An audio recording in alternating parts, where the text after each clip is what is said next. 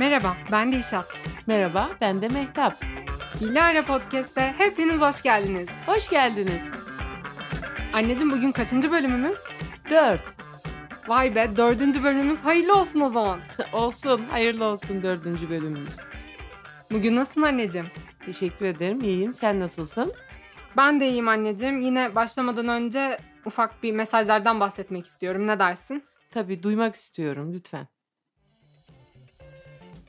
Evet, e, Esra çok beğendiğini söylemiş ve annemin sesinin de çok şefkatli olduğunu söylemiş. Hadi canım. E, genelde genelde böyle oluyor zaten. Annemin ses tonu daha çok beğeniliyor. Teşekkür ederim, sağ olsun. Şimdi şımaracağım bak. Ee, Özlem özellikle podcast nedir konusuna bir açıklık getirdiğimiz için e, teşekkür etmiş ve beğenerek dinlemiş bize. Sağ olsun. Ee, Mehmet yeni keşfettiğini ve takipçimiz olacağını söylemiş. Bekliyoruz kesinlikle. Ee, Eda bir gün sohbetimize konuk olmak istediğini söylemiş anneciğim. Ay ne güzel. Ee, eğer bir gün konuk alabilecek dereceye gelirsek Eda aklımızdasın. Seni muhakkak çağıracağız. Kesinlikle. Bizi ara Eda. U- ulaş bize Eda. Bize ulaş. Ee, bazı dinleyicilerimiz nasıl kayıt yaptığımızı sormuş. Ya aslında çok e, ekstrem bir şey yok. Yani bir bilgisayarımız var, bir ses kartımız, bir de mikrofonumuz ve tabii bir de internetimiz var. Ve ama en önemlisi iki de yürek var. Çok çok daha önemlisi arkamızda öyle güçlü biri var ki yani öyle böyle değil. Kesinlikle. Prodüktörümüz. Kesinlikle. Buradan sevgilerimizi iletelim. Canım Öptük. prodüktörüm. Öptük. Hakan, Levent, Buse, Nagen ve birkaç anonim kişi de bize beğendiklerini iletmiş. Şimdi anonim nasıl iletmiş? Bunlar e-posta yoluyla ulaşanlar bizlere. Ee, yani ortak bir mesaj olduğu için hepsini bir seferde söyledim. Evet. Şurada başka kimler var? Valla Al- ben- Altuğ görüyorum. Ha, evet evet o yorum efsaneydi zaten. Oo, evet, Ee, Altuğ güzel. Apple Watch için şey demiş. Çamaşır bulaşık yıkayana kadar almayacağım ben. Ay. Ama eminim Altuğ Apple ürünlerinde e, Siri var. Siri'ye söyleyince onları yapar. Değil mi? İyi ki Siri var. Siri'ye söylediği anda bütün her şey hallolur. Ee, ya bunların yanında anneciğim bir de yani özellikle arkadaşlarımdan ve yakın çevremden o kadar böyle gururlandırıcı, gaza getirici yorumlar alıyorum ki. Ya işte şey diyenler oluyor mesela. Senin hani girdiğin işten zaten kötü bir sonuç beklemezdik falan. Ya bunu duyunca var ya tamam ya uçuyorum ben. O çok güzel motive ediyor. Doğru. Ya Evet. evet mesela e, Zehra çok böyle net öz kısa bir mesaj göndermişti. Direkt yazmış. Helal kız sana. Helal. Helal gerçekten helal. Ya bunlar mutlu eden yorumlar. Aa bak şunu söylemeden edemeyeceğim anne. Canım babaannem, sıkı takipçimiz. Ee, telefonu bozulduğu için yorum yapamamış bize. Bunu da bize telefon edip söylemiş. yani çok teşekkür ederiz babaanneciğim. Evet ben de teşekkür ediyorum. Ya sen yorum atmasan da bizi takip ettiğini biliyoruz biz. Evet kesinlikle. Dilşatçığım ben bu yorumlara gerçekten çok mutlu oluyorum. Sen de çok mutlu oluyorsun. Ee, bunların yanında hiç e, tanımadığımız dinleyenlerden pozitif tepkiler almak bizi daha çok mutlu ediyor değil mi? Ya kesinlikle öyle çünkü e, ne kadar geniş bir kitleye ulaştığımızı da görmüş oluyoruz ve tanımadığın insanlar tarafından dinlenmek, onların gününe ortak olmak, ne bileyim yani. Ya bunlar güzel şeyler ya mutlu Evet. ediyor. Zaten biz bunu yapma amacımız neydi? Dünyada bir iz bırakmak. Değil mi? Yani öyle Dijital ya da dünyada böyle. biz bırakmak çok önemli. yani. Evet bu iz bırakırken de e, kişi sayısı ya da dinleyen kaç kişiye ulaşmak bunlar önemli şeyler. O yüzden ben canı gönülden teşekkür ediyorum herkese. Ya aslında böyle başta çok tedirginlik bizde. Yani dinlenir mi acaba? Nasıl tepkiler alırız? Ne kadar ilerletebiliriz? Yani çok şükür dördüncü bölüme kadar sapasağlam geldik değil mi? Kesinlikle. Bakalım nice, nice dörtlerimiz olsun o zaman. Evet herkese tekrar çok teşekkür ederiz. Ee, biz her hafta elimizden geldiğince siz bize mesajlar gönderdikçe gönderdiğiniz mesajları okumaya devam edeceğiz. Göndermeye devam edin diyelim. E Dişatçığım sen nasılsın bu arada? İyiyim anneciğim ya biraz gerginlik bi- biraz da böyle heyecanımsı bir, bir şey var. Yarın okulum başlıyor benim de. Aa, doğru doğru hayırlı olsun. E, bu arada ilk ve orta öğretimin e, geçen hafta başladığını hatırlatalım. Bütün mini mini birlere, çalışkan ikilere umursamaz üçlere hayırlı olsun diyelim. Bundan bir hafta önce de ana sınıfı öğretime başlamıştı değil mi Dilşat? Yani galiba öyle anneciğim ya. Evet onlar bir hafta daha önceden başlıyorlar minicikler okula alışabilmek için değil mi? E, Ya umarım alışıyorlardır. Ben zorluk çekmemiştim değil mi anne? Ay evet kesinlikle. Şimdi bunu konuştuğumuz zaman Dilşat senin ana sınıfına başladığın zamanki bir anıyı hatırladım. Onu söylemek isterim. Tabii. Şimdi 5 yaşında başladın sen ana sınıfına. Seni götürdük biz. Eee, babanla işte kaydını yaptırdık. Biz çok heyecanlıyız. Acaba Dilşat ağlayacak mı? Alışma süresi nasıl olacak diye.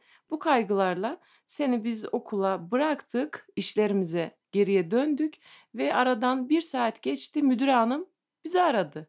Allah Allah. Telefonla aradı bizi. Eee, Mehtap Hanım okula gelebilir misiniz dedi. Allah'ım ben çok heyecanlandım, korktum. Bir şey mi oldu acaba? Tamam Dilşat çok problemli bir çocuk değil ama olağanüstü bir durum yaşandı ki biz çağrıldık. Hadi bakalım hemen babayı aradık. Birlikte gittik okula. Müdür hanım bizi oturttu. Lütfen oturun dedi ve hayretler içindeyim dedi. Bunu sizinle paylaşmak zorundayım. Biz korkulu gözlerle bakıyoruz Gerilim tabii ki. arttırmış kadın ya. Gerilimi artırdı ama sen e, kalbim benim 180 atıyor arada. Hayırdır müdür hanım ne oldu dedim. Mehtap hanım dedi. Bizim dedi iki sınıfımız var 5 yaş grubu. Sınıflar kalabalık olunca çocuklar dedik hepsini toplamışlar işte he- hepinizi toplamışlar. Ee, size sınıflarınızın isimlerini söylüyorum. Bir bölüm balıklar sınıfı, bir bölümde kelebekler sınıfı. Pekala hanginiz hangi sınıfta olmak istersiniz parmak kaldırsın demiş. Bütün çocuklar da işte kimisi balıklara, kimisi kelebeklere geçmiş ama bir tek sen cevabını söylememişsin Dilşat. Çok ilginç. Ne yapmışım ya? Sadece sen şunu söylemişsin. Müdür hanım, e Dilşat sen neden seçmedin deyince. Hmm, önce benim sınıfları görmem lazım. Ona göre karar vereceğim demişsin. Allah'ım müdür hanım tabii ki kadıncağız çok şaşırmış. Böyle bir seçimi nasıl bu kadar kişinin içinde sadece Dilşat sordu diye. Biz o anda tabii ki bir rahatlamayla koltuklarımıza olduğumuz yerde yığılıp kaldık ya bu muydu diye. Kızımızın bildiğimizin haricinde bir psikopatlığı yokmuş. Yani biz de şaşırdık. Aa, evet yani Dilşat çünkü kendisi görüp seçer. Yani ona bir şeyi zaten zorla sen seçip de önüne seçenek olarak sunamazsın diye. Yani o zamandan belliydi Dilşat. o zamandan belliymiş cins olacağım değil mi? Cins demeyelim de yani işte çocuğun küçücük yaştaki hal hareketi neyse büyüdüğünde de aynısı oluyormuş diye. Onu hiç unutmam. Buradan müdüre hanıma sevgilerimi gönderiyorum. Onda çok emeği geçti bize. Dur ama sonra neyi seçtim? Balıkları seçmiştim değil mi? Evet balıkları seçtin ama hafızamız kuvvetli. Balık hafızalı olmadık. Ve eğitim hayatına böyle giriş yapmıştık, başlamıştık. Sonra ilk öğretime başladık. Herhangi bir problem yaşamamıştık değil mi o zaman Dilşat? Yok ya ben hatırlamıyorum bir problem yaşadığımı ama. Gerçi şöyle de bir gerçek var. İlkokulda biz e, öğretmenimizin kim olduğunu bilerek seni o okula yazdırmıştık. Şimdi hatırladım. Doğan öğretmenimiz çok kıymetli bir öğretmendi. Allah işini rast getirsin. Buradan da selam olsun ona. Onun emekleri çok fazla. Saygılarımı, sevgilerimi iletiyorum buradan da. Evet gerçekten ben öğretmenlerin öğrencilerin işte ya daha küçücüksün ya. Hani o öğretmen seni nasıl yetiştirir, nasıl yönlendirirse o şekilde devam ediyorsun. Ve Doğan öğretmenimiz bizi o kadar kendine güvenen, özgüvenli, girişken bireyler olarak yetiştirdi ki. Kesinlikle. Ya sınıfımız kalabalıktı bizim ama yani o kalabalık sınıfta bile herkesle tek tek ilgilenir ve cidden hani vatanına milletine böyle hayırlı birer birey olabilsin diye uğraşır ya öğretmenler. Evet. Kelimenin tam anlamıyla bunun için uğraşan bir öğretmendi. Gerçekten yani emeklerini anlatmakla bitiremem. Dediğin gibi anneciğim aldı işini gücünü rast getirsin canım öğretmenim. Evet selam olsun tekrar buradan kendisine. Yani anneciğim ben e, öğretmeni sevmediğin zaman dersi de sevebileceğine pek inanmıyorum.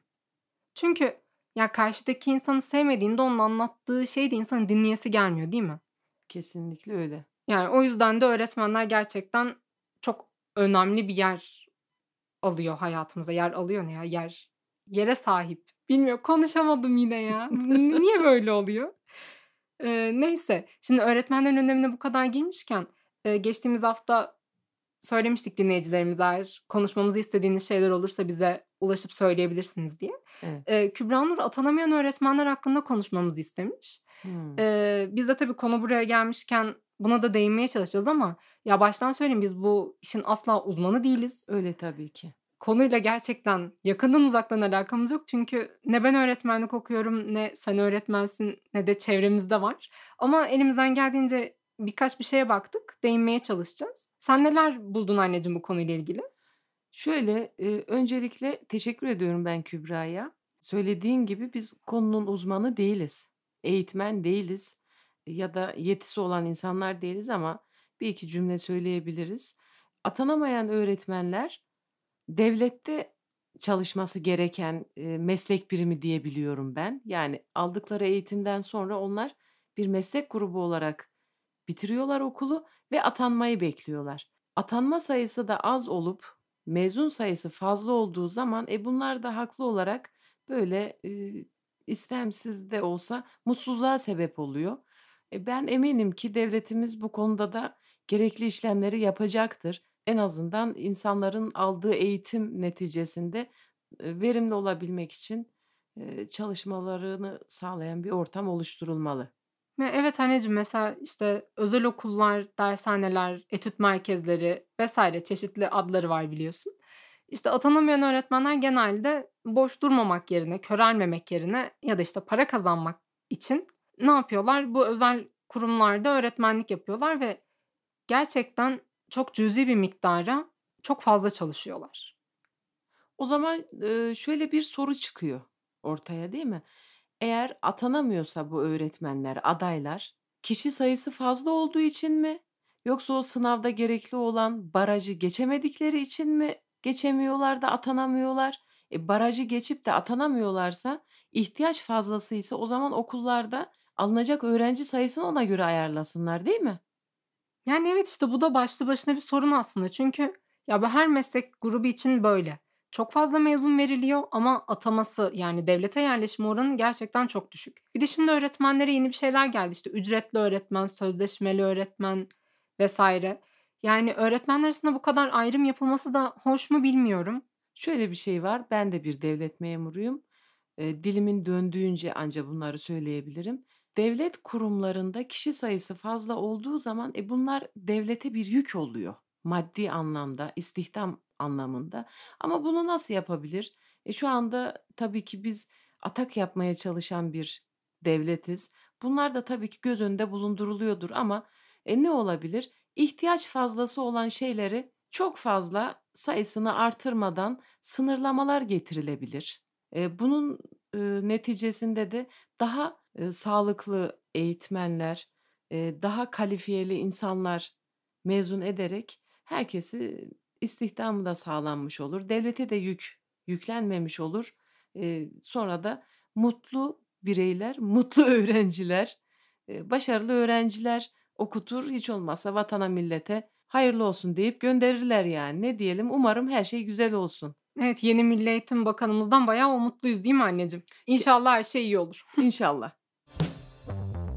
Anneciğim az önce söyledin ya kalifiyeli mezunlar, bireyler verebilelim diye. Eee, ya bu konuda şunu söylemek istiyorum ben. Şimdi eğitim sistemimiz bizim sürekli değişiyor. Maalesef evet. Müfredatlar sürekli değişiyor, sınavlar sürekli değişiyor. Sınavların isimleri süre hadi ismi geç de yani içerik sürekli değişiyor.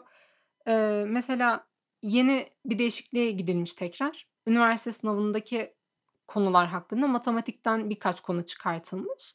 Yani çıkartılan konular çok enteresan. Eee, çıkartılan konular, eee, limitteki belirsizlik türlerini bayağı çıkartmışlar. Eee, ters trigonometrik fonksiyonların türevi, integrali ve integralde hacim konularını çıkarmışlar müfredattan. Bu ne demek? Sınavda sorulmayacak.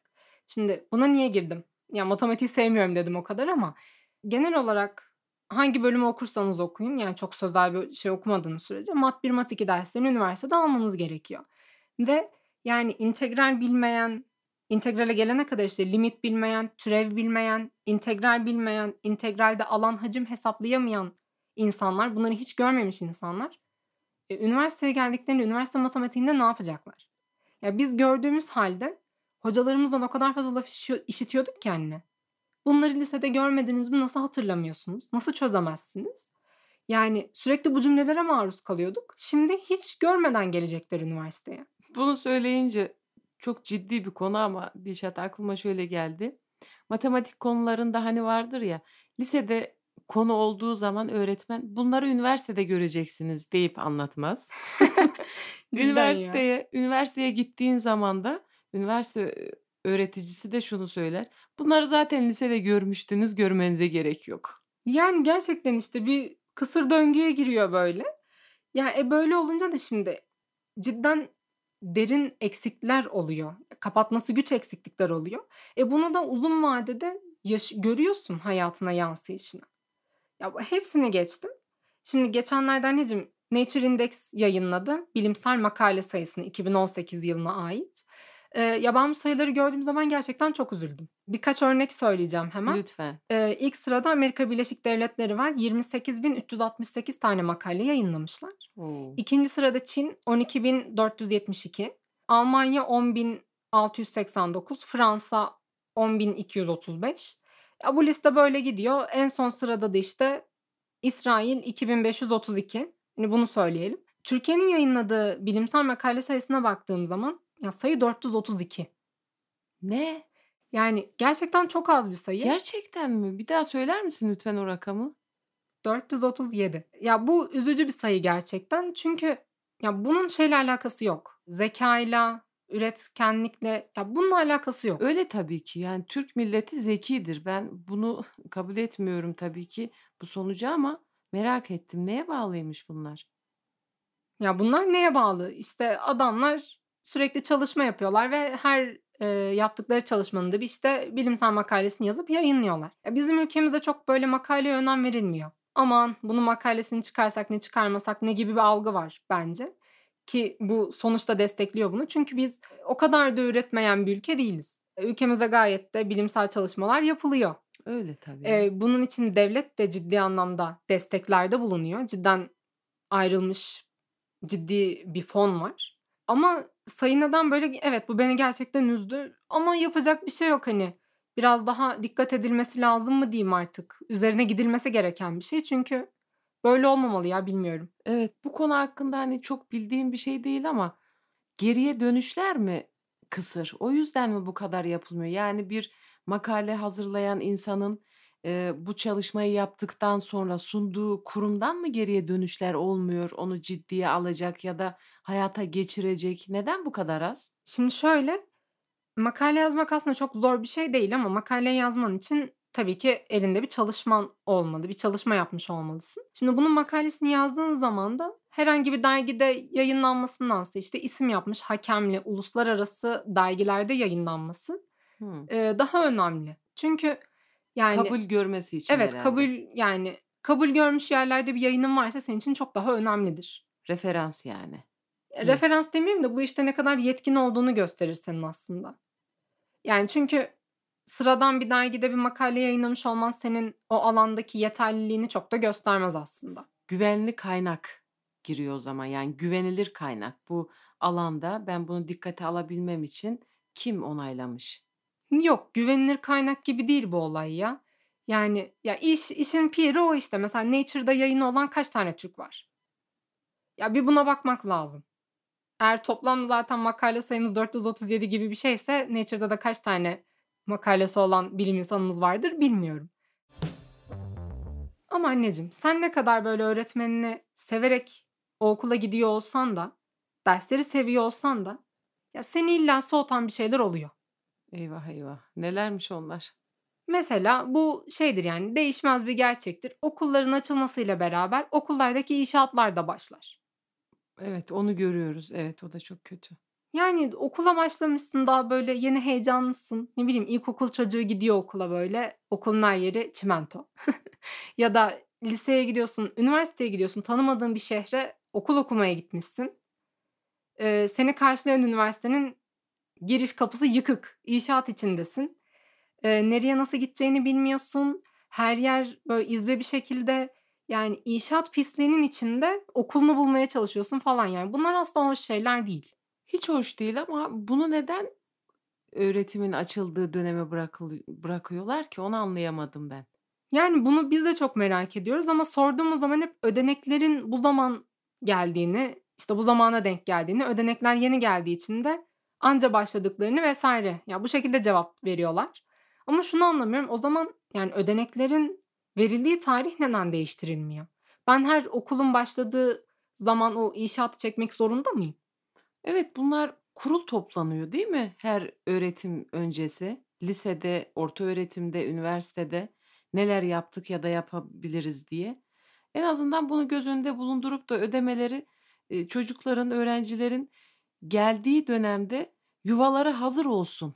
Bunu düşünmek çok mu absürt olur bilmiyorum. Yani hazır olsun ve çocuklar o travmayla karşılaşmasınlar ya.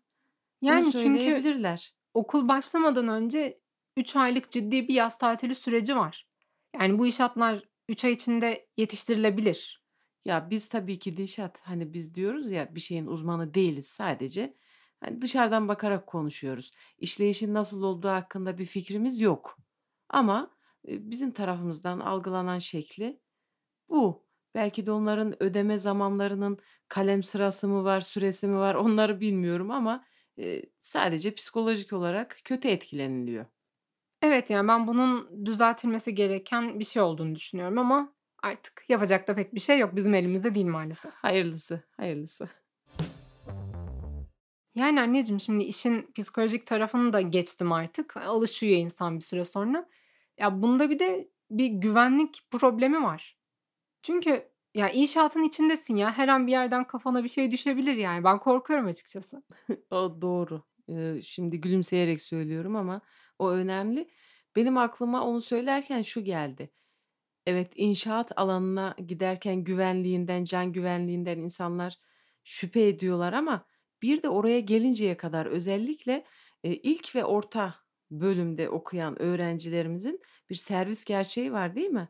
Ah, o Servislerin servisler. Evet, servislerin trafikteki durumları nedir onu da bilmiyorum ben. A, bak anneciğim, bu konuyla ilgili şöyle bir haber gördüm ben. Bir yönetmelik değişikliğine gidilmiş. Hı hı. Eee, işte, güvenlik tedbirleriyle alakalı ama, eee, bu yönetmelik değişikliğini 3 Eylül 2019'a kadar uzatmışlar. Yani, o zamana kadar Düzenleme mi yapılacakmış? Yok, şöyle, o zamana kadar, eee, yerine getirecekmişsin aracındaki eksikleri. Yani, bu tamamlaman gereken süreyi uzatmışlar. Sonrasında herhâlde denetlenecek. Eee, yani, bunu da anlamıyorum. Can güvenliğiyle ilgili şeyleri niye erteliyoruz? Özellikle trafik polislerinin bunlara çok dikkat ettiğini biliyorum. Ama benim aklıma şu geliyor, bir imkânım olursa bu soruyu da sormak isterim. Hani, gün içinde servislerin çok hızlı seferler yaptığını biliyoruz, değil mi? Evet, yani, genelde hep şey olur, öğrencileri çok bekleyemez servisler. Çünkü diğer servise geç kalacağını falan söylüyor. Evet, gün içinde kaç tane sefer yapmaları gerektiği, yani, birisine yetişebilmek için öbürsünü nasıl görmezden gelinip, eee, işte, şehir içinde mesela hız limiti 50 ise 80'le bile gidiyor adamlar ki öbür servise yetişebilmek için. E, bunları da dikkate almaları lazım. Yani, sayı önemli. Gün içinde kaç defa sefer yapacaklar? Bu da ciddi bir, eee, güvenlik sorunu bence. E, evet, çünkü, yani, herkes yürüyerek gidebileceği mesafede bir okulda okumuyor ya da herkes ailesi bırakamıyor ve servisleri büyük bir çoğunluk kullanıyor. Öyle. Eee, can taşıyan bir araç neticede. Biraz daha dikkatli olunması lazım tabii ki.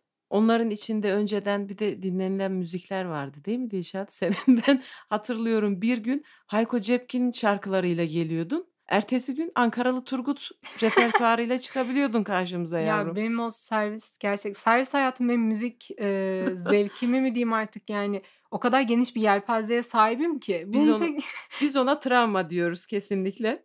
Ya, çünkü gerçekten çok garipti. Cidden dediğin gibi, hani, bir gün Hayko Cepkin dinlerdik, böyle, ne bileyim, Metallica falan dinlerdik. Ağır, böyle, rock dinliyoruz falan. Ertesi gün hop Ankara'nın Bağları falan, yani.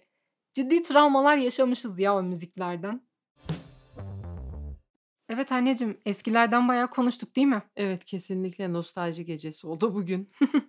Eee, o zaman biraz da, eee, şu sıralar Türkiye'de neler oluyor onlardan bahsedeyim. Güzel şeyler oluyor. Nasıl güzel şeyler oluyor? Büyük bir etkinlik düzenlendi. Teknofest İstanbul. Kim tarafından düzenlendi? Türkiye Teknoloji Takımı Vakfı önderliğinde ve birçok önde gelen firmanın da işbirliğiyle ortaya çıkan bir havacılık, uzay ve teknoloji festivali. Oh, Keyifli gözüküyor. Keşke gitseydik ya. Kesinlikle güzel olurdu. çünkü katılım ücretsiz ve herkese açıktı ama şöyle bir detay girmişler. 13 yaşından küçüklerin velileri ya da öğretmenleriyle gelmesi gerekiyormuş. Tek başlarına gelemezlermiş. Mantıklı ama. Yani kalabalık, büyük bir organizasyon olduğu içindir. Evet, gerçekten içerik olarak da güzel bir organizasyon. Benim en çok hoşuma giden de anneciğim, helikopterlerin harmandalı oynayışıydı. Nasıldı? Ya evet onu ben de gördüm sosyal medyada. Çok keyifli ya. Bunlar Türk'ün güzellikleri ya. Değil mi anneciğim? Bu sayede de Türk pilotlarının ne kadar eee, yetenekli olduğunu bir kez daha görmüş olduk. Çok güzeldi değil mi anneciğim? Kesinlikle ve insan gerçekten gururlanıyor. Evet, gerçekten gururlanıyor. Eee, bir de garip bir olay daha vardı anneciğim. PTT Kargo'da drone uçurmuştu. O!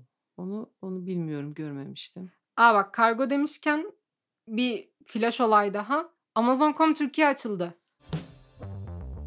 Evet, hayırlı olsun. Yay!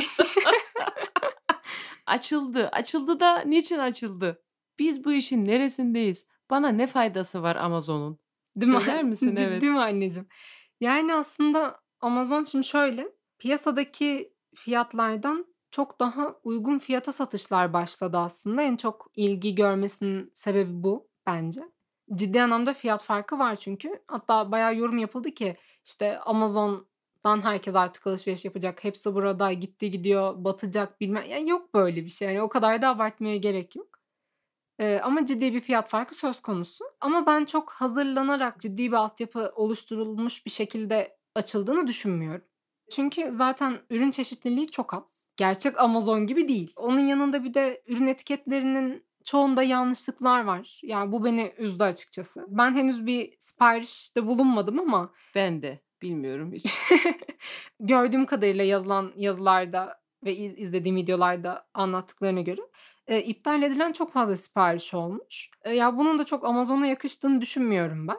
Aceleye mi geldi o zaman? Galiba biraz aceleye gelmiş anneciğim bilmiyorum. İnşallah yakın zamanda toparlarlar. Biraz ürün çeşitliliğini de arttırırlar ve bu işte etiketsizlik, iptal edilme vesaire gibi problemler de ortadan kalkmış olur. Aslında başlangıçlarına baktığı zaman ya bir kitap satışıyla başlamışlardı diye biliyorum ben anneciğim. Hmm, E, girişimci. bilirsin ben çok severim internetten kitap almayı. Biliyorum evet. Bilirsin ben de kitap okumayı çok seviyorum. Evet anneciğim bilmez miyim?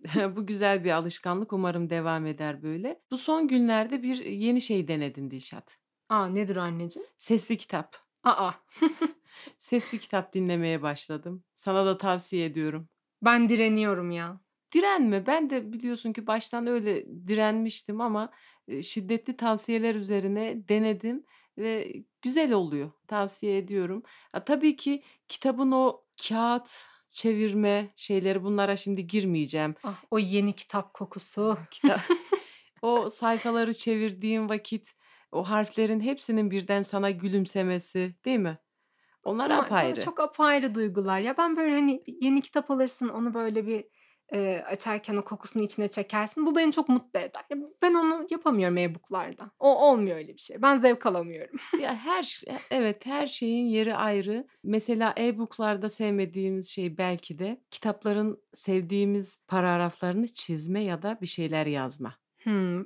Ben onu ne zaman yaparım biliyor musun anneciğim? Ya ben kitaplarıma çok titiz davranırım. Biliyorum. Ee, Bana o yüzden verirken çok geriliyorum çünkü ben tam yani hani teslim etmek için biliyorum onları. verdiğime şükretmen lazım. Ben kitap vermeyi çok sevmem. Evet. Eee, çünkü şöyle ben ders kitaplarında bile kitabın işte bir orijinalini alırım. O kitaplığımda, kütüphanemde tertemiz böyle el değmeden durur. Onu böyle arada zevkini açarım falan. Ama karalamalar, işlemler bilmem ne bunları hep fotokopisinde yaparım. Şimdi şey olmasın hani bu kadar kitap aşığısın fotokopi ne alaka falan ama e, üniversite kitabı ders notu yani fotokopiyi ister istemez kullanıyorsun. Onu karalayınca içim acımıyor.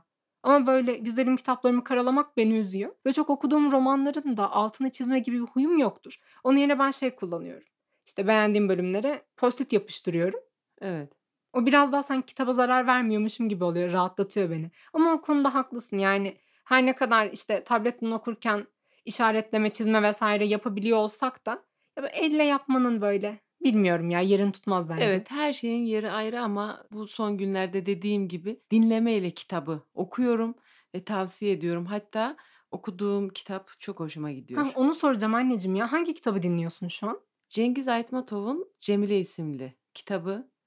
Güzel bir kitap tavsiye ediyorum. Hatta çok az kaldı. Birkaç dakikam kaldı. Sayfam değil. Birkaç dakikam kaldı. Eee, ama o son dakikaları biliyorsun Dilşat ben çok beğenerek okuduğum kitapların son 3 sayfasını ertesi güne bırakırım. A! Doğru. Bunda da mı öyle yapacaksın yoksa kayıt bittikten sonra okuy dinleyecek misin? Bak okuyacak mısın.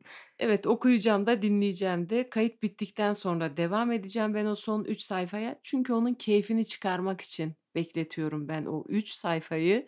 Eee, heyecanlıyım, bitirmek istiyorum. O yüzden benden bugünlük bu kadar diyeceğim. Değil Ben mi? çünkü Kitap beklemesin Evet, anneciğim. kitabımı dinleyeceğim. O zaman ben bu haftaki bölümümüzün editlemesini çok sevgili prodüktörümüzle beraber yaparken sen de kitabını dinle, oku artık nasıl diyeceksen. Evet, kesinlikle. Ben kitabımı dinlerken prodüktörüme de sevgilerimi, selamlarımı gönderiyorum. O zaman bu haftalık bizden bu kadar diyelim mi anneciğim? Evet, bu kadar diyelim. Konuşmamızı istediğiniz konular olduğunda bize ulaşabileceğinizi biliyorsunuz. Haftaya görüşmek üzere. Hoşça kalın. Hoşça kalın.